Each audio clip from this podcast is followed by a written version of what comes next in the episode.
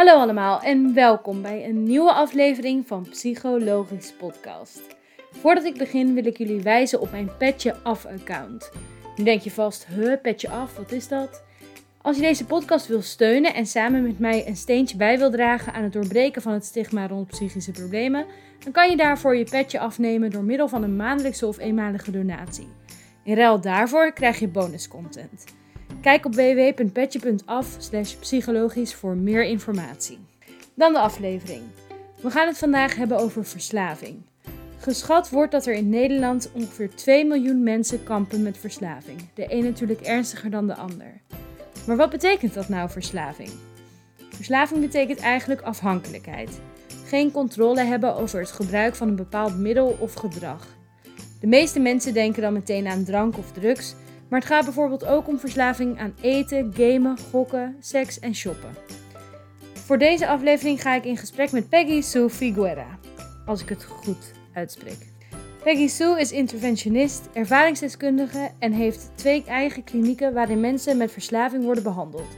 Je kunt haar ook kennen van tv-programma's zoals Verslaafd, Utopia en het Rotterdam Project. Omdat ze zowel professioneel als persoonlijk vlak te maken heeft met verslaving, kan zij ons alles over dit onderwerp vertellen.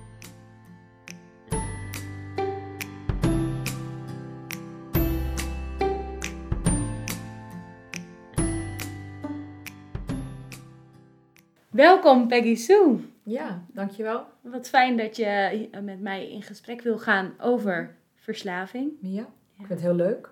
Kan je jezelf voorstellen voor de mensen die luisteren en jou nog niet kennen? Ja, dus mijn naam is Peggy Sue Vergara. Het is een buitenlandse Hele mooie naam. Dankjewel. Ik ben ook in het buitenland opgegroeid, wel in Nederland geboren. In zover dat het relevant is. Ehm, ik heb uh, een verslavinginstelling. Um, we zitten ook op dit moment in een van de vestigingen in de kliniek, in de detox diagnostiek. Um, we hebben, dit is dus ja, in Werkendam, andere kant van het land. En we hebben er eentje in Haarlem. Dagbehandeling. En we hebben twee samenwerkingen in Zuid-Afrika. Dus alles wat we doen heeft te maken met verslaving en het herstel daarvan. Dus we zijn uh, niet bezig met een beetje pappen en nat houden. We zijn echt bezig met mensen helemaal te helpen veranderen. Een ja. koerswijziging. Back to basics en vandaar weer uh, ja. opbouwen. Ja. Dat is nodig. Ja. ja. Want we zitten hier nu even voor de mensen die luisteren en natuurlijk geen idee hebben. We zitten dus inderdaad in een van jouw klinieken. Ja. Uh, in jouw kamer. Die uh, geldt als slaapkamer, werkkamer, badkamer. Kleedkamer, ja. Kleedkamer, ja. Um, en ben jij hier dan, hoe moet ik dat zien? Ben jij hier 24-7? Nou, op dit moment, want dit is een nieuwe vestiging. Oké. Ja, dus op dit moment ben ik hier heel veel om te kijken of zoals we de samenstelling van het personeel hebben en waar lopen we tegenaan. En we zijn wat kleiner begonnen met kleinere groepen, omdat straks die groepen groter zullen zijn. En wat hebben we dan nodig? Ja. Dus ook praktisch, hè? Wat ja. hoeveel koelkasten, hoeveel vriezers. Ja. ja. Dus dat is een beetje de opstart en uh, daar ben je dan heel uh, nauw bij betrokken. Ja. ja. En verder, je woont dan zowel in Nederland, maar je bent ook veel in Zuid-Afrika ja. te vinden. Ja. Uh, maar ik woon niet in Zuid-Afrika, nee. meer. Mm -hmm. Maar je hebt daar wel lang gewoond, je bent er eigenlijk opgegroeid. Ja. Hè? ja. Dan de vraag, we gaan het zo over verslaving hebben en ik denk dat heel veel mensen daar een beeld bij hebben. Mm -hmm. Of dat klopt of niet, maar in jouw woorden, wat is verslaving? Ja, het is in ieder geval een ziekte. Zo, zo zien we dat. Een ziekte gewoon heel globaal gezien in, in het brein. En dit is niet medisch, maar wel om het makkelijker uit te leggen. Het zijn bepaalde gedachten en gedragingen en bepaalde mechanismes in het brein. Mhm. Dus uh, snel je beter of anders willen voelen en dat zelf gaan regelen. En dat heeft ook vaak te maken met gebrekkige emotieregulatie. Verslaving is iets wat uh, een eigen diagnose dient te, te zijn. Want je kan ook bijvoorbeeld heel veel gebruiken en niet verslaafd zijn. Daar is nog ook echt een verschil in. Mm -hmm. ja. En wanneer we praten van verslaving is wanneer je zelf zegt, ik wil het niet. Je maakt een afspraak met jezelf en ik kan me daar niet aan houden. En de mensen Ja. om me heen, waar ik het meest om geef, inclusief mezelf, daar kan ik dus niet meer aan afspraken houden. Dus als je een partner hebt en die zegt, liever, ik wil het niet dat je drinkt, ik wil niet dat je dit doet. En je zegt, ik doe het niet meer en je doet het toch. Ja, dus eigenlijk dat je het niet tegen kan Je houden. kan het niet tegenhouden en dat er negatieve consequenties aan verbonden zijn. Ja. Dat is voor mij wat verslaving, hoe het eruit ziet. Mhm. En het ontstaan daarvan, dat gaan we misschien zo meteen behandelen. ja, Ja. want daar, eh, dat is uiteenlopend wel, hè, wat de Ja. oorzaken kunnen Ja. zijn. Ja. Eh, wat maakt volgens jou nou eh, dat de ene persoon wel verslaafd raakt aan bijvoorbeeld, eh, als we even drank nemen, wat een heel toegankelijk middel is ja. in onze samenleving. Heel veel mensen drinken. En wat maakt nou dat dan voor de een dat dat uitmondt in een verslaving en de ander die kan het houden bij een glaasje wijn bij het eten? Ja, maar goed, dat is de, het verschil tussen verslaafd zijn en niet verslaafd Ja. zijn. Ehm, het gaat erom dat we weten dat mensen een genetische belasting kunnen hebben. Mhm.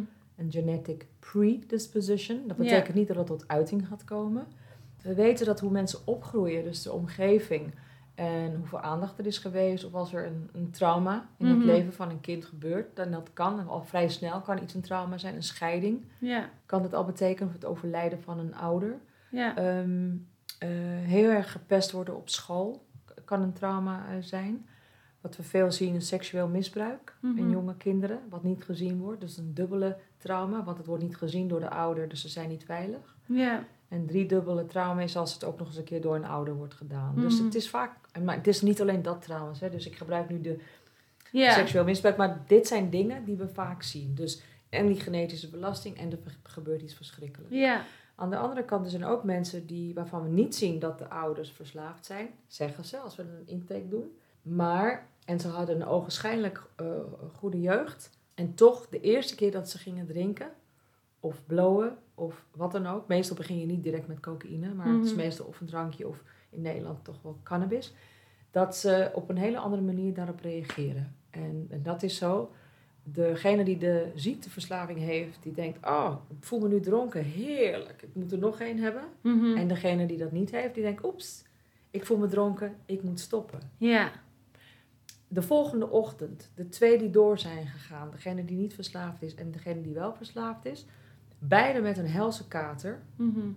Eh, degene die verslaafd is, die denkt van, jezus, ik heb een kater, dat was leuk, wanneer weer? Degene die dat niet heeft, die denkt, oh, het was leuk, maar Nooit verschrikkelijk, nooit meer. ja. En die houdt zich er min Ja. of meer aan. Ja. En min of meer, het kan wel een keer weer gebeuren dat je, als je heel moe bent, gaat drinken of iets verkeerd valt. Maar die gaan het niet stelselmatig doen. En Nee. de verslaafde die gaat het wel stelselmatig opzoeken. Ja.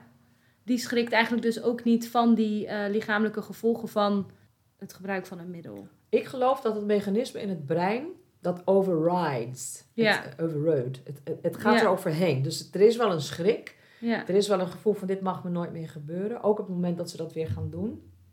En dan komt er iets anders voor. Dus die filter is weg. Ja. En dan eh, is het de verslaving aan het gevoel.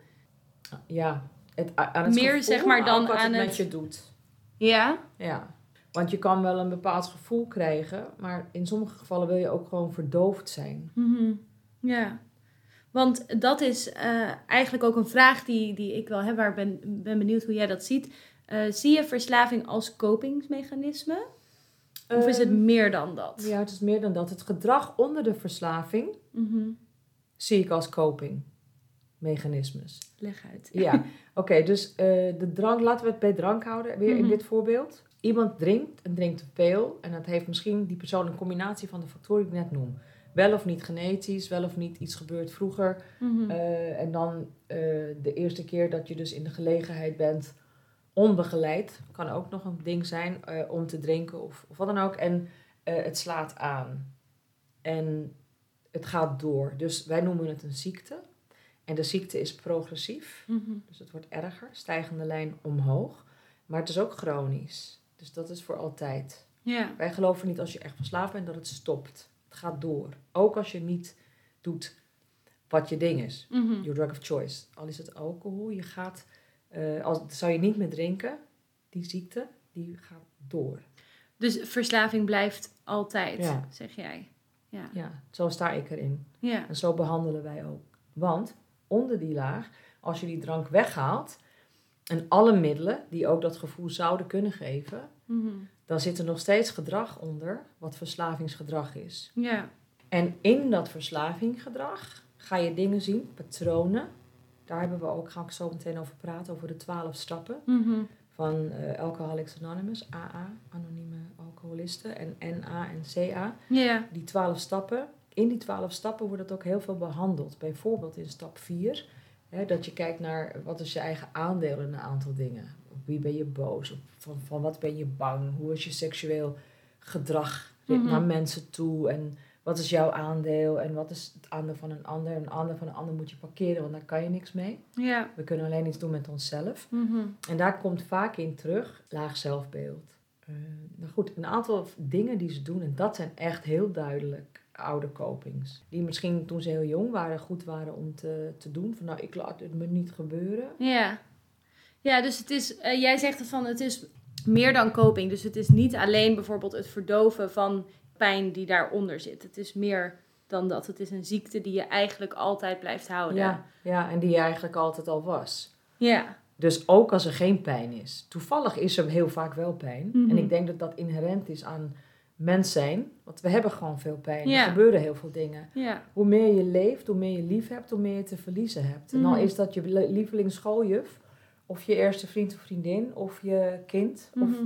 er is altijd wel iets. Een Ja. schoolvriendin die voor iemand anders kiest altijd pijn. Ja. Opa en oma die komen te overlijden. Dus dat zijn dingen die we niet altijd goed kunnen handelen als het op een kwetsbaar tijd in je leven komt. Mhm. Het is wel zo dat in sommige gevallen waar hele afschuwelijke dingen gebeuren.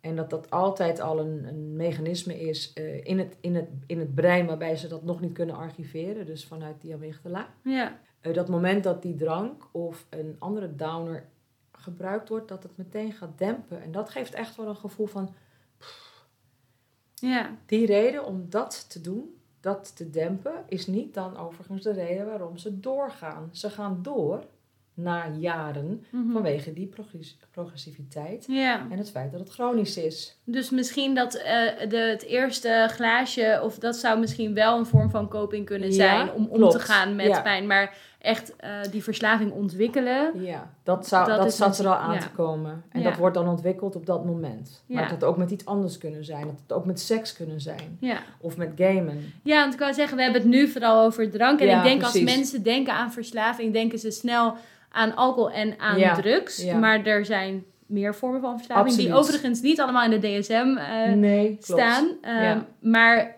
worden allemaal door jullie behandeld in principe. Ja, want het zit nogmaals aan het gedrag eronder. Ja. En het gedrag, dat behandelen we. Ja. We beginnen met abstinentie. Veel mensen weten niet wat dat is. Algehele onthouding. Mhm. Dus al kom je binnen voor het feit dat je aan cannabis denkt verslaafd te zijn, dan leren wij je bent verslaafd, een soort paraplu. Ja. En daaronder heb jij een drug of choice, dus je lievelingsmiddel, het middel wat voor jou goed werkt. En dat kan dan zijn de cannabis. Maar dan gaan we je ook leren dat je ook nooit meer kan drinken. Ook al zou je alleen maar een halve glas champagne drinken met oud en nieuw.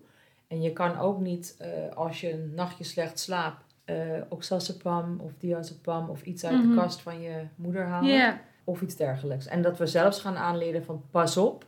Want je, het kan zijn dat je nu vaak verliefd wil gaan worden. Of je wil iets anders gaan voelen met gamen, met gokken. Ja, ik wil zeggen, dus zeg maar, stel je komt binnen met een alcoholverslaving eh, en dan hoor je ineens van ja, maar eigenlijk is het ook niet de bedoeling dat je gaat gamen of dat je naar Vegas gaat gokken. En daar waarschuwen jullie, waarschuwen jullie dan ook voor. Ja. Ja, omdat die verslaving, wat je zegt, zo'n Ja. ziekte is Ja. en, eh, en blijft dus. Als iemand binnenkomt met een, eh, laten we zeggen, een alcohol- en drugsprobleem. Mhm. En ze gaan wel eens naar Vegas of ze gaan een keer naar Vegas op vakantie. eh, dan is het niet gezegd dat, dat per se direct een gevaar is. Mhm. Dat moeten ze gewoon in hun achterhoofd houden. Ja, Als ze binnenkomen met een, eh, al met een gokprobleem, dan is dat zo. Dan gaan we het zeggen, niet farmville op je telefoon. Of, of ik weet niet eens wat, er allemaal, wat ze allemaal doen, maar niet doen. Gewoon Nee. niet doen, dat is duidelijk. ja. ja. Ja. maar ook voor de andere triggers waarschuwen jullie dus. En zeker waar het middelen betreft en seks Ja. en seksualiteit. Want die staan wat nog wat dichterbij. Kijk maar naar Maslow. Dus die dingen die nog dichterbij staan, die, die pakken we eerst Die zijn aan. eigenlijk het gevaarlijkst. Ja, Ja, ja. Dat gezegd te hebben, we weten dat bij, de, bij gokken bijvoorbeeld, de dopamine shots, die, Mhm. komen, die gaan echt om de paar seconden. Ten opzichte van als je drinkt of een bepaald middel gebruikt. ja. Dus als je wel verslaafd raakt aan gokken, dan heb je echt een groot probleem. Ja, is er Ja. eh, daarin ook een soort van eh, deze verslaving is het gevaarlijkst? Zien jullie dat zo van, oh nou ja, hè, dat gokken wat je zegt met... Ja. Nee, ik vind het lastig. Het is een combinatie van de persoon, de persoonlijkheid. Dus welke persoonlijkheid eh, zit vast aan die verslaving Ja, en wat doen ze? ja. Ja, het is meer een totaalplaatje Ja. dan van, oh deze drug of deze, ja, ehm, die is echt... het- Ja. Er is niet per se een hiërarchie in eh, verslaving. nee. eh, Ik- in ik, middelen ik, vind of van in... niet, maar wel bijvoorbeeld lichamelijk gevaar. Ja, GHB bijvoorbeeld, gevaarlijk. ja. Gevaarlijk om te detoxen. Detoxen, we merken ook dat veel mensen geneigd zijn om na een tijdje toch weer terug te gaan naar GHB. Dus het lijkt voor mij, maar dit is niet medisch, dat er Mhm. iets is wat kapot gaat. Er is een soort mechanisme wat je afbreekt, waardoor er die hoop lijkt weg te zijn. Als ik kijk in de ogen van iemand die GHB gebruikt of heeft gebruikt, zie ik wat Mhm. anders. Maar Ja. nogmaals, niet medisch. Het is gewoon gevoelsmatig wat we tot nu toe hebben gezien. ja. En dat is anders dan bij andere eh, Ja. middelen. Ja. Ja. Crack is heel lastig. Dus dat base coke, dus coke, cocaïne roken, is Mhm. ook lastig. Want het heeft eh, zo'n eh, keihard tussen haakjes dan goed gevoel geeft het. Mhm. Dat die, die dopamine shot is zo groot dat bijna niks kan evenaren. Ja. En als je dat één keer hebt meegemaakt, wil je dat telkens meemaken. ja, dat is groter dan bijvoorbeeld met alcohol. Ja. Dat een, een soort geluksgevoel. Ja. Ja. En toch bij alcohol, lichamelijk gezien, eh, alcohol is gevaarlijk. Al- Omdat het zo onderschat wordt. Mhm. Omdat er zo makkelijk mee omgegaan wordt. Omdat men het als sociaal geaccepteerd ziet of wil zien. Ja. Het komt dus iedereen goed uit. Ja. Terwijl het eigenlijk het dempt. Het veroorzaakt ontzettend veel dingen die gebeuren die gevaarlijk zijn. Die je misschien niet had willen doen. Dus Mhm. bijvoorbeeld jonge kinderen die seksueel actief zijn veel te vroeg. Omdat ze gedronken hebben. Eh, zonder dat ze ook eh, zichzelf daarin ofwel fysiek of emotioneel kunnen beschermen. Mhm. Ehm, en de gevolgen van te veel drinken, die worden onderschat. Ja, en zit het gevaar daarmee vooral in de onderschatting ervan? en in de, de brede eigenlijk sociale acceptatie van drinken? En misschien soms zelfs meer dan acceptatie. Zelfs, Dat Hè? is wa- doe even gezellig. Hè? Waarom zou je niet... eh, waarom je hoeft te, dat je moet verdedigen, waarom je niet wil gebruiken. Ja, Als ik nu een lijn kook hier zou zetten, zou je waarschijnlijk zeggen, waarom doe je dat? ja, En als we hier een glas wijn zouden hebben en jij zegt, waarom Oh. drink je niet? Dan, ehm, dan moet ik verdedigen waarom ik niet drink. Ja. Ik hoef niet te verdedigen waarom ik geen lijntje kook doe. ja. Nee, Ik hoef niet eens te verdedigen waarom ik geen sigaret opsteek. Iedereen Ja. begrijpt dat. Ja, ja. Je zegt al van ik zou me moeten verdedigen. Heb jij, want je hebt zelf ook ervaring met verslaving. Ja, Heb je dat zelf ook eh, zo ervaren? zeker in het begin. Want alcoholverslaving, daar ging het om bij jou toch? Terug naar die paraplu. Ja? Het is alles. Oké, ja. Het begon als jong meisje met eten, overeten. Daarna alcohol, heel lang, 22 jaar. In die tijd ook dieetpillen, Ja, want dan bleef ik lekker wakker, een soort amfetamine. ja, En kon ik meer drinken. Dus die combinatie was voor mij heel, Mhm. heel lekker. Dat zie je nu ook bij mannen. Alcohol, cocaïne, alcohol, cocaïne, sekswerkers. ja. Dat is een soort van happy triangle. Nou, alcohol en eh, dieetpillen, dat werkt ook heel goed samen. ja. Zoals alcohol, coke. Ja, goed samen. Tussen haakjes dan. Ja, Want dat houdt je wakker en je kan meer, meer drinken Mhm. en eh, langer feesten. Ehm, in Zuid-Afrika was op een gegeven moment LSD ook wel populair. Ik vond het vreselijk, maar ik deed het toch. Omdat het vaak om handen was. Mhm. Ehm, en vanuit daar later, voor het eerst in Nederland denk ik, aan de cocaïne. Snuifcocaïne. ja. Ehm, en daar ben ik voor naar mijn eerste behandeling gegaan met cocaïne. En toen leerde ik, ja maar wacht eens even. Want alles was een issue. is, ja, ja. dus En dan her, toen herkende je ook meer die rode draad door je leven. Ja. We gaan het hier Ja. ehm, verder Ja. over hebben in de, de bonuscontent. Dat is voor de mensen die eh, het petje af willen nemen, maar daar ehm, later meer over. Welke misvattingen bestaan er over verslaving? De eerste grote is dus dat het gaat om één soort verslaving. Dat als jij alcoholverslaafd bent bijvoorbeeld, dat je prima wel eh, kan blowen. Of dat je prima... Jij zegt dus, hè, Ja, klopt. dat Ja, is het grootste. Dus Ja. we moeten dat denk ik allemaal gaan zien als Ja. die paraplu. Dus je hebt kanker. Maar Mhm. het maakt het nou uit of het borstkanker is of darmkanker of ja, misschien voor de uitkomst. Net zoals bij alcohol of cocaïne of crack. Mhm. De uitkomsten, de mogelijke uitkomsten van. Maar het is één ziekte, Ja, verslaving. een van de... Want wat was je vraag? Dan De misvattingen die er bestaan. Ja. Wat ik een grote misvatting vind, is dat mensen vinden dat het de schuld is van degene die verslaafd is. Het, het is niet schuld. Want ik weet niet of jij drinkt. Drink je? eh, Niet veel, sociaal? maar wel af en toe, ja. Dus jij drinkt sociaal, ik drink sociaal. Laten we zeggen, we zijn, we zitten allebei op dezelfde school of Mhm. universiteit. We beginnen samen te drinken. We hebben samen op school gezeten, daar mochten we niet drinken. Onze ouders waren streng. Hetzelfde verhaal deden we Mhm. niet. We gaan naar de universiteit, we gaan samen drinken. Als ik dat in me heb, die genetische belasting en, en de triggers en alles wat ik heb meegemaakt en dat soort zaken, en jij niet. Wij gaan drinken, we doen een jaar lang feesten. Iedere avond zijn we dronken, op de tafel, dansen, Mhm. huiswerk. hmm.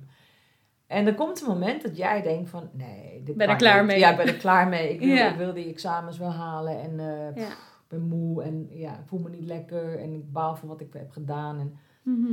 en degene die, dat ben ik dan, met die ziekte, die zegt, ik wil het niet meer. Ik ben er klaar mee. Ik ben ook moe. Ik wil ook gaan sporten. Ik wil me gezond voelen. Maar het lukt niet. ja. Wie heeft schuld? Heb jij meer schuld dan ik? Heb ik meer schuld dan jij? Nee. We gingen allebei gelijk op. Ja. Maar het is die ziekte die maakt dat je niet kan stoppen. Dan is het geactiveerd. En Ja. dan is het gewoon, ja, pech. Ja. Ja. En even, dat staat niet los van dat je natuurlijk wel de eigen verantwoordelijkheid hebt om, Om daar wat iets aan, te doen. Ja. Dat is het, maar dat Ja. is wat anders. Maar schuld is een heel ander verhaal Ja. dan verantwoordelijkheid. Je bent ja. niet verantwoordelijk voor de ziekte, je bent wel verantwoordelijk voor je herstel. Op het moment dat je doorhebt dat dit een ziekte is, op zijn Engels for which there is no known cure, dat Mhm. je er echt wat aan moet gaan doen. Ja, die known cure, dus niet dat we kunnen een pil geven of we kunnen niet eh, Ja. ja, Makkelijk is het niet, Of ja. eh, naar, alleen naar een detox. Nee, er Mhm. moet echt eh, begonnen met, beginnen met abstinentie en vervolgens een gedegen behandeling. En dan voor eigenlijk voor altijd Mhm. bepaalde stappen die we nemen, continu, om, om te blijven in, ja, in het hele gevoel van herstel ten opzichte van dat wat anderen doen. Mhm. Ja. Ja, dus een grote misvatting is dat de schuld ligt bij de verslaafde, om het zo te zeggen. Ja. Eh, iets anders waar ik nog aan denk, is dat er, eh, denk ik, toch wel een beeld van de soort mens die verslaafd Ja. raakt. Dat er wel een beeld heerst van, ja, even kort door de bocht, ehm, dakloos of, ehm, ja. Ja. ja, dakloos zijn er ook. En Mhm. eh, dat, dan ga je weer naar die omstandigheden van vroeger. Want wat maakt Ja. dat, die, dat ze dakloos zijn? Als je een goed opvang eh, om je heen hebt qua familie, dan gebeurt dat niet heel snel. Wij hebben bijvoorbeeld ook veel vermogende mensen in eh, onze instelling. Mhm.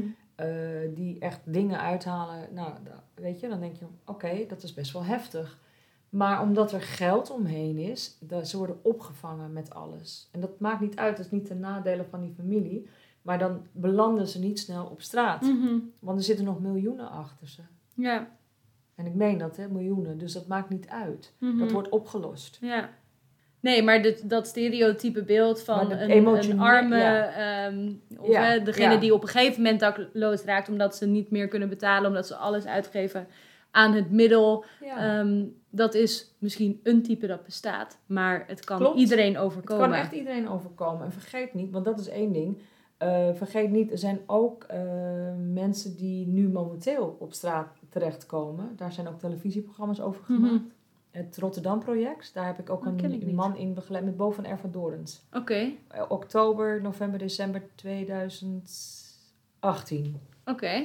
Ehm, heel mooi programma over vijf dakloze mensen in Rotterdam. Mhm. Twee jaar daarvoor Amsterdam. En in Rotterdam heb ik meegewerkt. Daar zag je bijvoorbeeld ook een vrouw, ik ben haar naam kwijt. Het was gewoon een normale vrouw, administrateur. Maar die, die heeft dan een persoonlijkheidsprobleem. Mhm. Cluster C. Ja. Dus die, er komt allemaal post op haar af. Ze kan het niet aan. Het is te veel. Ze maakt het niet open. Er komt een bekeuring. Boete, boete, boete, boete, boete. Ja. En ze is 50, 55 plus, verliest haar baan, wordt het huis uitgezet en Mhm. is dakloos. En ze gebruikt niet eens. Ja. De reden om dan te gaan gebruiken is er wel, hè? Want hoe Ja. overleef je het op straat als je niet drinkt of Mhm. gebruikt? Mhm. Dus het is ook andersom. Ja. En ook daarnaast is het zo dat eh, er zijn mensen die gewoon naast verslaving als primaire ziekte, een primair probleem, gewoon een ander probleem hebben, een ander psychisch probleem. Ja. En de een versterkt de ander. Of ze hebben een psychisch probleem waar de verslaving een onderdeel van is. Mhm. Ja, want dat eh, gaat vaak samen. Hè? Want eh, als we het hebben over oorzaakfactoren, Ja. ehm, dan noemde je eh, al die genetische predispositie, maar ook de omgevingsfactoren, trauma misschien in de jeugd. Maar het kan Ja. ook, gaat ook heel vaak samen Ja, met klopt. psychische problematieken, zoals een angststoornissen, stemmingstoornissen, depressie, schizofrenie, Eh, antisociale persoonlijkheidsstoornis. Maar goed, heel veel van die eh, stoornissen, die zijn toch wel enigszins vaak te herleiden naar het opgroeien. Niet helemaal Mhm. 100%, maar wel weer ook een ja, genetic predisposition. Ja, Antisociaal is toch echt wel vaak als kinderen op een jonge leeftijd gewoon, Absoluut, hè, ja. in de steek zijn Ja, gelaten. zeker. Dus je ziet wel waarom. Toch weer een, een babycoping. Een coping vanuit gewoon de, Ja. Het opgroeien van ik moet mezelf beschermen. En ja. maar ja, zeker. Dat is een heel groot onderdeel ervan. Mhm. En ook daarin dus. Wij zeggen niet tegen iemand... jij bent schuldig want je bent depressief. ja. Of jij bent schuldig want je bent eh, bipolair. Of Ja. je bent schuldig want je hebt borderline Nee, persoonlijkheidsproblematiek. dat is dan op de een of andere manier toch meer van, oh, daar, daar kan je zelf niks aan doen of zo. Dat, dat zit dan Ja. gewoon in je. Terwijl dat dus eigenlijk voor verslaving ook Ja. geldt. Klopt. Ja. Ja. En het verschil, of tenminste het is niet eens een verschil... want als je dus een stoornis hebt... de stoornissen waar je nog wat aan kan doen... Mhm. dan zeggen we, ga er wat aan doen. Omdat je dan een beter leven kan creëren voor jezelf. Nou, Mhm. hetzelfde geldt natuurlijk met de verslavingproblematiek. Ja. Je kan leven met een verslaving. Er zijn genoeg high-functioning alcoholic addicts. ja. Kijk maar om je heen. Maar hebben ze echt een goed leven? En e- emotioneel zijn ze vaak bankroet. Mhm. Spiritueel zijn ze bankroet. En wij proberen juist dat terug te krijgen. Dat je leeft om het feit dat er een wonder is waarom je hier bent. dat, Mhm. het, dat het mooi is. Dat je ervan mag genieten. Dat je kan liefhebben. Dat we verbinding kunnen Ja. krijgen en zoeken. Dat wil je terugkrijgen bij mensen. Ja. Want dat zit nog wel ergens natuurlijk. Ja. Eigen- Eigenlijk altijd is dat de hunkering. Ja, en waarin, ehm, hè, want we, we hebben het nu even gehad over de misvattingen die er bestaan. Er hangt dus duidelijk wel een enorm stigma rond deze doelgroep. Waarin, welke manieren lopen zij daar tegenaan? En hoe belemmert het mensen? Nou, er is veel schuldgevoel en veel schaamtegevoelens. Mhm. En ehm, dus de misvatting, het is je eigen schuld, gaan ze zelf ook geloven. Want dat is wat ze telkens hebben gehoord. En dat Ja. is ook wat de maatschappij om hen heen denkt. En daar wordt over geschreven en gesproken. Dus zo slim zijn we allemaal niet. Hè? We nemen eigenlijk allemaal wel alles over wat we om ons heen Mhm. horen. En dan ga je dat ook zelf geloven. Ja, Pas later, als we iets nieuws voorschoten, dan zeggen we van ga- eens hierover nadenken. Dat het misschien niet eens je schuld is. Als ze dat aha-moment hebben, dan zie je ze een soort van: oh ja? En dan zeggen ze: ja, maar dat is een excuus voor mezelf, dat wil ik niet. Ik wil die confrontatie aan. Zeggen, nee, dat, het is echt zo. ja, We geven je dit niet als excuus. Het is gewoon, dat moet je echt weten dat het zo is. ja. Nou ja, en in, in het, ehm, ook in het hulp zoeken, Ja. is het daarin, speelt dat stigma daarin een rol? Dat mensen min, misschien niet snel, ehm, ja, dat ze het goed praten voor zichzelf. Van, oh, maar mijn vrienden drinken ook, eh, mijn vrienden gebruiken ook. eh, Ik vind van wel. ja. En ik vind dat sowieso in het algemeen, maar ik vind het al helemaal bij vrouwen. ja? Ja. Ik heb het idee dat vrouwen veel te lang wachten voordat ze hulp zoeken. En heb je een idee of een theorie waardoor dat Ja, een beetje wel. komt? Dat vrouwen nog steeds over het algemeen, uitzonderingen daar gelaten, toch het speel zijn van een gezin. Mhm. Dus van baby's krijgen. Het maakt niet uit met wie, je, wie de partner is van het kind. Maar als je kinderen hebt, over het algemeen ben je geneigd die kinderen bij je te houden. En ik heb echt uitzonderingen, dus ik zit er aan eentje te denken. Waarbij de vrouw zo ziek is dat zij haar eigen ding doet. En man, die past op alle Mhm. kinderen. Maar over het algemeen is dat het voor mijn gevoel. Plus hoe er gekeken wordt naar verslaving.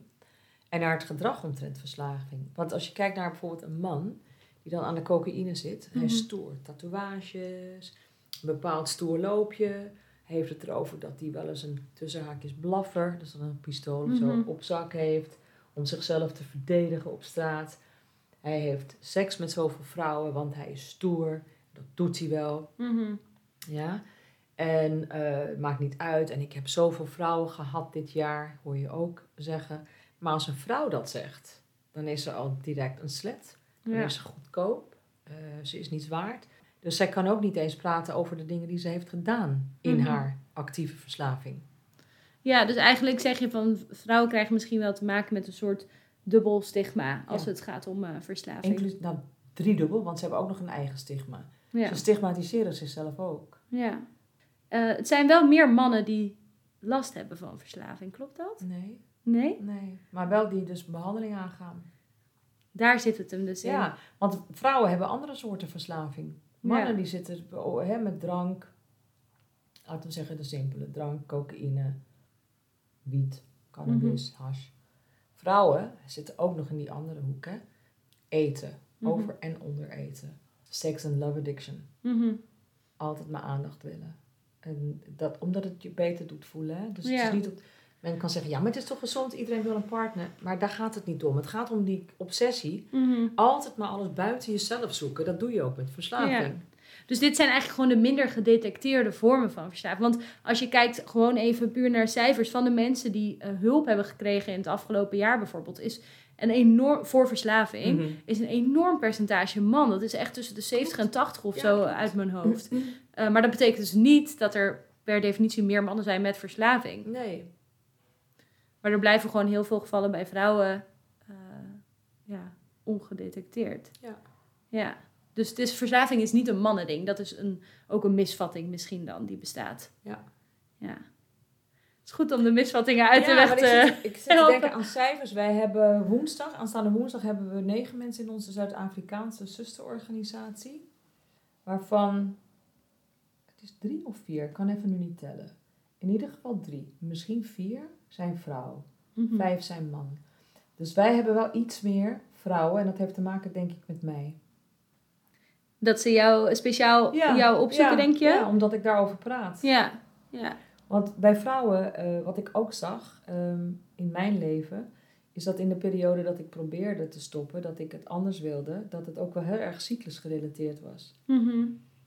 Oké. Ja, en dat zien vrouwen misschien die ook met eten kampen. Dus ook vrouwen trouwens die niet met eten kampen, dat als je bijvoorbeeld na je ijsprong, dat je opeens soort richting je menstruatie je labieler voelt, verdrietig voelt, eh, Mhm. niet goed in je vel voelt zitten. Niet alle vrouwen hebben er last van, dat weet ik. Maar Mhm. veel vrouwen hebben dat wel. En zeker veel vrouwen die ook eh, de ziekteverslaving hebben of verslavingsgevoelig zijn. Ja. Laat ik het even breder houden.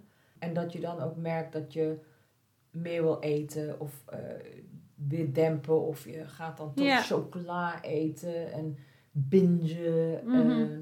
Ook mensen die dat niet hebben, die doen dat. Ja. Nou, mensen die dus al ziek zijn met een bepaalde verslaving en die proberen het zelf te stoppen, Ja. die merken, dat heb ik ook, want dat heb ik gejournald, Ja. dat ik in die tijd, dat het Ja. onmogelijk was om mijn eigen stoppogingen te doen. Dus die hormonale Ja. veranderingen die hebben zeker ook Ja. grote invloed. Ja. Ja. En als ik daarover praat in, wij hebben dus meetings, NA, Mhm. CA en zo. Als ik het daarover heb in een grote meeting, alle vrouwen komen naar me toe naar de meeting. Dat ze er allemaal last van hebben. En Ja. ze dachten dat ze de enige waren. Goed dat je daarover spreekt. Ja, Ja. Een belangrijk onderdeel dus ook om mee te nemen in de behandeling. Als het aankomt eh, op de verslaving bij vrouwen. ja. Ja. Over behandeling gesproken. Wat zijn verder belangrijke aspecten van behandeling? Wat denk jij dat, dat de belangrijkste componenten zijn? Even los van de, de vorm van therapie of... ehm, Ik denk in een behandeling om mee te beginnen sowieso dat je abstinent bent. Mhm. Nogmaals, abstinentie betekent dat je van alles af bent. Daarom is een ambulante behandeling lastig. De verzekeraar die heeft daar voorkeur voor. mhm. Ehm, maar als je één keer per week een uurtje komt praten met een therapeut, kan je de rest van de dag en die avond van alles uithalen. Ook als je UC's krijgt. Mhm. Want de meeste mensen die in actieve verslaving zijn, die hebben meer verstand van een urinecontrole dan de meeste doktoren, huisartsen en Mhm. psychologen. Die weten hoe ze ze kunnen manipuleren, die weten wanneer ze het wel kunnen doen, op welk moment ze wel kunnen drinken, wanneer niet. En dat geldt dus ook voor vrouwen die bijvoorbeeld onder eh, een bewind staan voor de kinderen. Dus die gaan dan wel gebruiken tot de zaterdag, maar dan weten ze dat als ze dinsdagochtend getest worden, dat ze net genoeg uren hebben dat het er toch alweer uit is. Dus zo, daar gaan ze dan mee werken. Ja. Ehm, dus je moet clean zijn. Je moet Mhm. echt stoppen. En dus als je zegt, ja, maar ik kan niet, want ik ben verslaafd, klopt. Ja. Dan is een detox belangrijk. Ja. Dus wij houden ze veilig. En dat, dus dat is eigenlijk eh, voorafgaand aan echt Ja. een, een Ja. behandeling, is het al Ja. de detox. Maar omdat we hier bijvoorbeeld mensen hebben die instromen en doorstromen, dan heb je mensen die in de eerste dag weten ze helemaal niks. Want ze zijn heel erg wappie. Mhm. En ze hebben dan ook medicatie om daar veilig doorheen te komen. Maar er zijn ook mensen die zijn hier al een aantal dagen. Ja. En die voelen zich al een stuk beter. Dus die worden onrustig. Die vinden, oh, het gaat goed met me, ik ga weer naar huis. En Mhm. dat doen we niet. Dus we beginnen al direct met behandelen. Oké. Ja. Op verschillende levels. Ja, Ja. dus die detox, dat is eigenlijk, hè, die onthouding, dat is een belangrijk onderdeel van een behandeling. ja. Wat komt daarna? Nou ja, het begint met veiligheid. Dus veiligheid voor een groep. Mhm. Want eh, ik vind groepdynamiek heel erg belangrijk. Je kan wel met iemand praten, één op één. We hebben het al gehad over ervaringsdeskundigheid. Het is mooi als er in de groep ook een ervaringsdeskundige is. Dus in Mhm. het behandelteam. Ehm, maar het hoeft niet alleen dat te zijn. Want er zijn een aantal dingen waarnaar gekeken moet worden. De, in ieder geval dus de eh, psycho-educatie van verslaving. Dat, sommige mensen weten dat niet precies. Mhm. Dus dat ze dat wel in ieder Ja. geval de basis daarvan eh, krijgen. Ook het feit dat, dat, dat het wel eens genetisch zou kunnen zijn. Dan Mhm. hebben ze vaak aha-momenten. Ja. Eh, het feit dat als ze beginnen met iets te drinken of gebruiken, dat ze vaak niet kunnen stoppen. Mhm. Dat is, oh ja. Want dan denken ze, als ik nu een periode sober ben en clean ben, dan kan ik toch wel weer. Nee.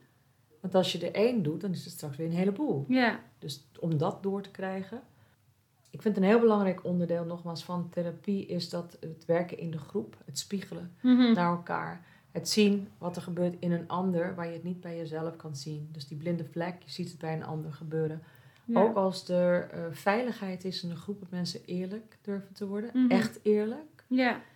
Dat alle maskers afkomen en dat je echt ook bij grote mannen of stoere jongens, dat je gewoon ziet dat ze ze helemaal openen en dat ze ja, eigenlijk breken. Ja.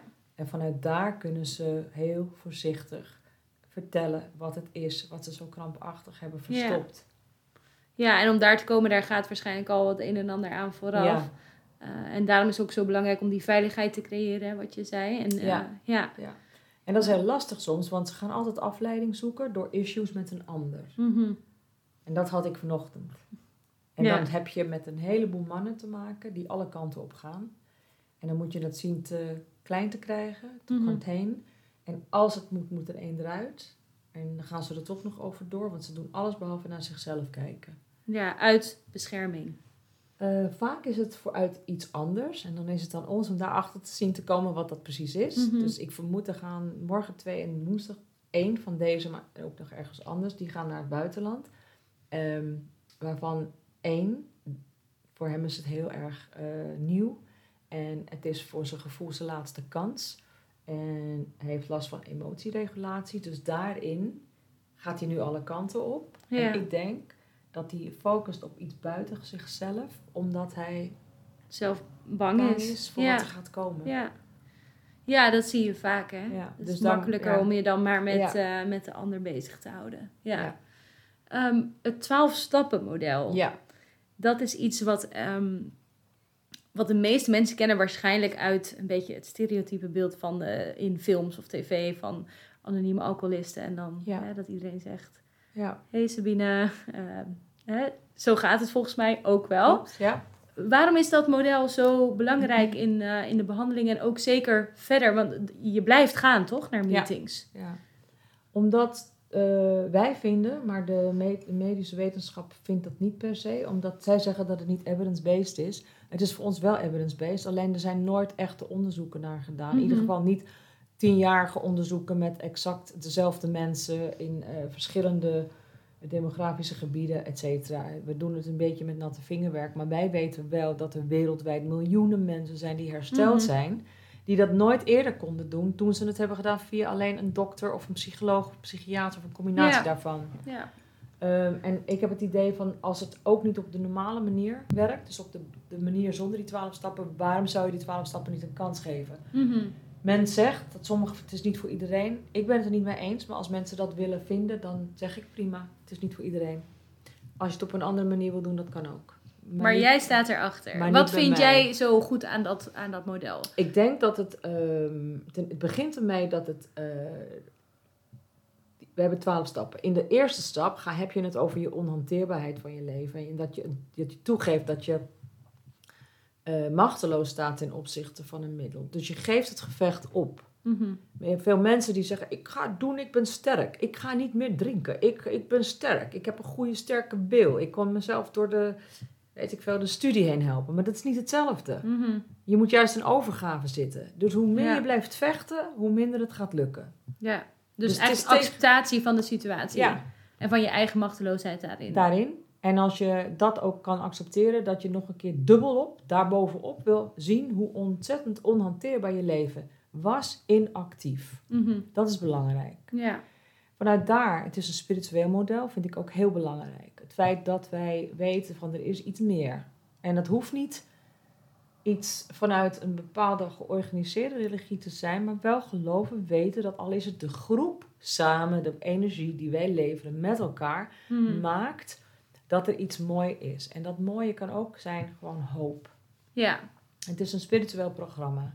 ja. Ja. Schrikt dat ook mensen af? Ja, vaak wel. Maar dan vind ik het heel bijzonder, want ze liggen in principe op straat. Ze hebben eh, hè, op straat emotioneel. Dus hun Mhm. vrouw zegt weg, wil je nooit meer zien. En ik doe alles ervoor, maar dat met God, dat doe ik niet. Want ik ben atheïst. Als ik zeg tegen jou, je hebt kanker. En we hebben, we hebben eigenlijk geen officiële medicijnen er nu meer voor. We hebben al alles geprobeerd. Mhm. Maar we hebben nog één ding en dat zijn bijeenkomsten. En eh, Ja, en die kunnen je misschien wel echt heel erg helpen. ja, heeft miljoenen mensen voor jou geholpen? Ja. Nee, nee hoor, want ik ben. eh, ik geloof, ik geloof niet. niet. in. Snap nee, je? Ja. Ja, maar dat is dus Ja. het- ja, wat er gebeurt. Ja, ja. Het is ook als je het gaat vergelijken, je kan het heel goed vergelijken met wat we doen in de reguliere eh, behandelingen, zoals eh ouderkoping bekijken. Je hebt je G-schema's, je hebt je andere vormen van schematherapie. Mhm. eh, eigen aandeel goed bekijken. Hoe hebben we een ander ook iets aangedaan? Want dat gaat aan Ja, je vreten. dat is ook een van de stappen. Hè? Ik heb Ja. hier een overzicht, want ik ken ze Ja. helemaal niet uit mijn Ja. hoofd. Maar ehm, dat je Stap na moet gaan en, ja. en het goed moet maken. Na, nagaan wie, eh, wie je schade hebt aangedaan. En Ja. eh, het goed ook maken met die Ja, mensen. maar dat is pas voor later. Want, het, het- want vaak gaan mensen dan, ze springen van één, stap 1 naar stap 9. Ja. Want ze willen zich weer goed voelen. Ja, Dus dan willen ze naar hun... Zo snel Ja, mogelijk. Ja, maar dat is het niet. Het is Nee. niet dat jij je beter voelt. Het is dat je in het reinen met jezelf komt. Mhm. Dus je gaat niet naar stap 9. Je gaat eerst heel goed stap 1. En als je die stap 1 niet goed begrijpt, hoe, want je bent machteloos niet alleen ten opzichte van je middel, maar ook ten opzichte van de politiek, ook ten opzichte van je man, vrouw of kinderen, ook ten opzichte van de mensen op de weg, Mhm. tegen wie je middenvingers opsteekt, ja, en toetert en boos wordt. Ja. En het feit dat de belasting zoveel geld van je afpakt, dat zijn ook allemaal klachten. Waardoor je steeds woedender wordt. Dus je voelt iets in je brein dat zich niet goed voelt. Dus die emoties. Mhm. Ja? Dus dat is weer een goede reden om te gebruiken, potverdorie. Ja. Snap je? Ja. ja, dus het gaat om, om acceptatie, het, het aanvaarden van hulp. Ja. Ehm, en zo ga je eigenlijk heel voorzichtig in die twaalf stappen steeds verder. ehm, Ja, dat. ja. En het zijn verschillende lagen. In het begin is het om je leven te redden. Mhm. En wat ik nu heb ervaren, dat zijn gewoon magische dingen in mijn leven. Miracles. Ja, Dit ook heb ik allemaal ja, gemanifesteerd. ja, Dit is wat ik wilde. Hier heb ik naartoe gewerkt. Dus dat is wel dat ik geloof, er is een hogere macht. mhm. En eh, als je daarna voor om hulp vraagt, om steun, dan komt dat ook. ja, en wat je zegt, die hogere macht, even voor mensen die luisteren en denken van, oh, weet je, wat is dit voor, hè, wat je zegt met religie en zo. Je zei al, het gaat eh, niet per se, je mag dat niet. zelf, zelf Ja. invullen. Het gaat niet per se om God of om een andere, hè, het, het gaat Nee. om hoop en Ja. om eh, dingen samen te doen en de kracht ook van het samen zijn in zo'n groep. En van mensen die ook hebben meegemaakt wat jij hebt Ja, meegemaakt. verbinding. Ja, Ja, ja. Dat is wel heel mooi. Dus dat is wat iets wat ook standaard eigenlijk deel uitmaakt van eh, de hulp die jullie bieden. ja. Ja. En jij gaat ook zelf nog steeds naar ja meetings. klopt. Ja. Gisteravond nog. Met de groep, Ja, met iedereen. Ja. bijzonder wel. Mhm. Ja. Ik denk dat we dat niet eh, goed kunnen bevatten als je daar niet eh, Nee. bent Nee, geweest. dat klopt. Ja. Het is mooier en interessanter en boeiender dan enige verjaardagfeest waar je naartoe gaat, waar je Mhm. de lubricant alcohol voor nodig hebt om het leuk te hebben. Ja. Wanneer je in dat kringetje zit, in de Mhm. woonkamer. ja, Oké? dat is wel iets heel Nederlands, hè? Ja, het precies. kringetje in de woonkamer met een stukje worst en een blokje kaas. Wat is dit? Ook het feit dat ze gewoon komen op je verjaardag, onuitgenodigd. dat je mensen moet afbellen. Nee, onze kringetjes zijn in ieder geval wat dat betreft, ja, komt er wat meer uit. Nee, maar niet, Ja. niet om die verjaardagfeestjes te, te nokken, weet je. Ik bedoel, ook belangrijk natuurlijk, familie. Maar ja, het zijn wel waardevolle dingen die we, daar, Ja. die we daar horen. En we hoeven niet onder invloed te zijn om te kunnen luisteren naar elkaar en om het binnen te laten Ja. komen. En om het te onthouden en om er wat mee te doen. Ja, dus dat is iets, eh, en dat, dat blijft ook wel. Net als dat je zei, die vers- eh, verslaving is een ziekte en dat blijft. Ja, Eh, en daarom blijf je ook naar die meetings Ja. gaan. ja. En niet alleen waarschijnlijk om terugval te voorkomen. Nee, want het is nu voor mij ook niet, heeft het niet daarmee te maken. Het heeft Mhm. te maken met verbinding, het heeft te maken met spirituele groei. Het is een spiritueel programma. ja. Daar leggen we pas de nadruk op als je er eenmaal in zit. Want anders is het te scary. Anders dan komen ze niet. Ja, zoiets. Maar het is echt heel mooi. Het is echt heel mooi. Ja. Nou, mooi zeg. Ja. Ik heb een paar luisteraarsvragen Ja. voor je. Ehm, de, de eerste is, en dat vond ik een hele goede vraag. Hoe is het om geconfronteerd te worden met bijvoorbeeld alcoholgebruik in eh, de media? Dus in reclames, in films. ehm. Ik vind het zorgelijk. Omdat ik denk dat het zo eh, geaccepteerd is. En dat mensen het gewoon niet doorhebben. En daardoor blijven mensen ook drinken. Mhm. Dus met andere woorden, je bent jong, je kijkt naar televisie.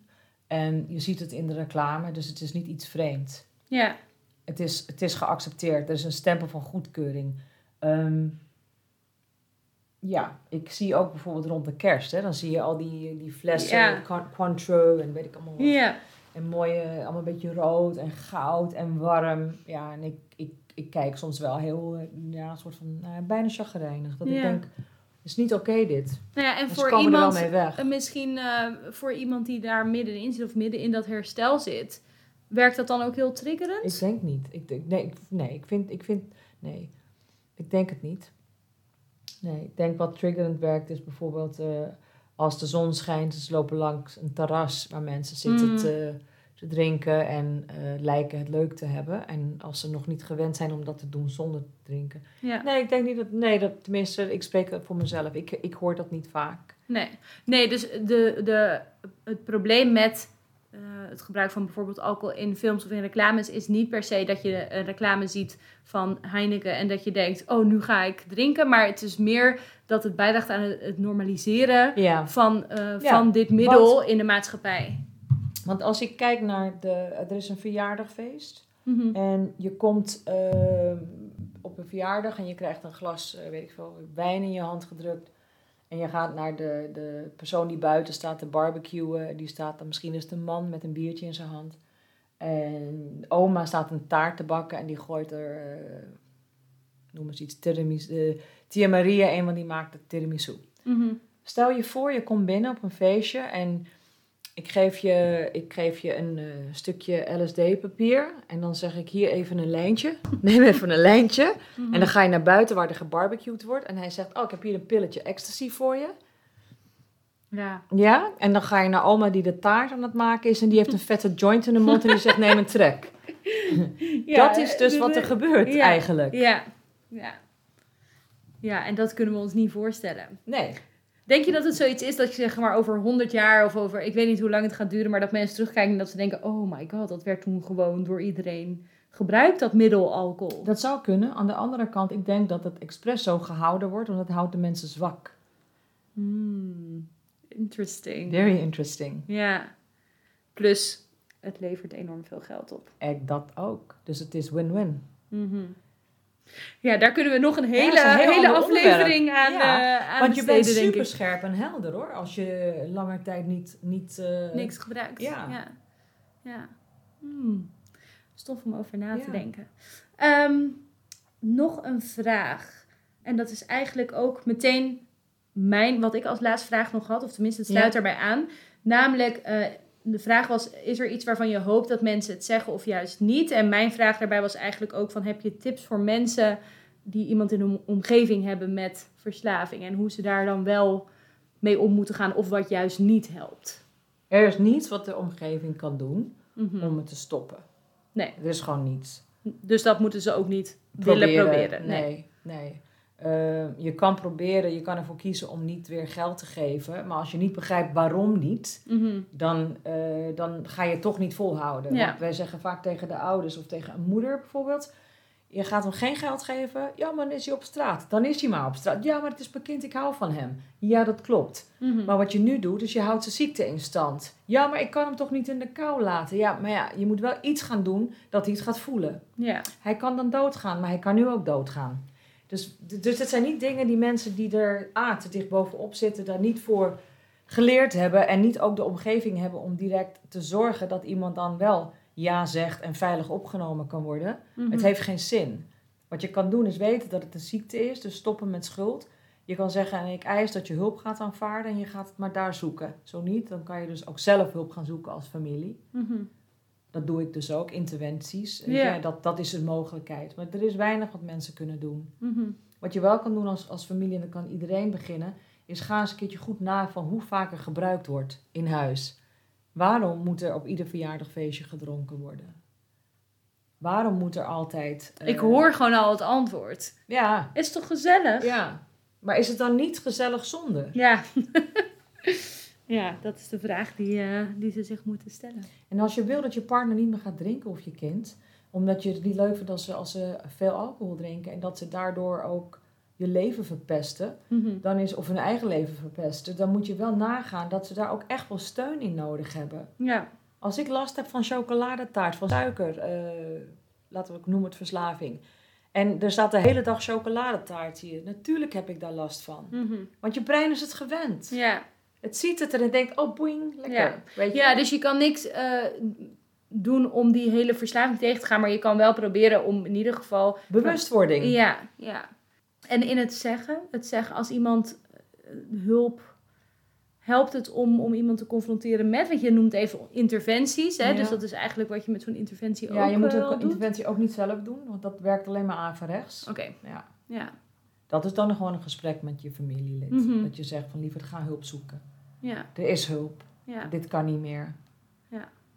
Als je interventie gaat houden. En als je nu niet hulp gaat zoeken, dan ben ik helemaal klaar met je. Ben je op straat. Vervolgens bellen ze, is er een wachtlijst van drie maanden. Dat is niet handig. nee. Dus als je een interventie wil doen, Ja. schakel hulp ja, in. want dan moet het van gewoon gecoördineerd Ja. verhaal. Ja, ja. Is er nog iets anders wat je wil meegeven aan mensen? Nee, er is zoveel over te zeggen. Het is zo'n mega boeiend onderwerp. Want het, zit echt, eh, het heeft tentakels die in alle aspecten van het leven zitten. Hè? Mhm. Absoluut. Dus ehm, ja. nou ja, wat ik wel wil zeggen is, er is altijd een mogelijkheid tot herstel. Dat is wel zo. Ja, en bij sommige mensen is er blijvende schade. Bijvoorbeeld bij, bij mensen die dan pre-Korsakoff of een andere Mhm. beschadiging van het brein. Eh, maar dan kan je in ieder geval zeggen, dan kan het gestopt worden dat het niet erger wordt. Ja, Maar in de meeste gevallen is het helemaal, allemaal te herstellen, terug te draaien. ja. Dus dat is belangrijk om te onthouden. Ja, Voor iedereen die Ja. luistert, ja herstel is mogelijk. zeker. Ja. En herstel is ook heel erg leuk. Oh ja? Ja, ja. Ja. Omdat je juist die, die diepere lagen dat ontdekt. denk ik. Ja. Dat denk ik. En, en dat je ook in je kracht staat. Als je te veel van iets doet, dan sta je niet in je kracht. Mhm. Dus en dat voel je ook de hele tijd. Dus de hele tijd heb je een soort domper. Dat Ja. gevoel van ik faal in iets. Ja. Ik faal. Ik... En ik weet niet hoe ik dat kan veranderen. Ja. Het is bevrijdend. Ja. Ja. Mooi. Dankjewel Jij ook bedankt. voor, eh, voor je openheid en, Ja. eh, en mooie inzichten. Graag gedaan.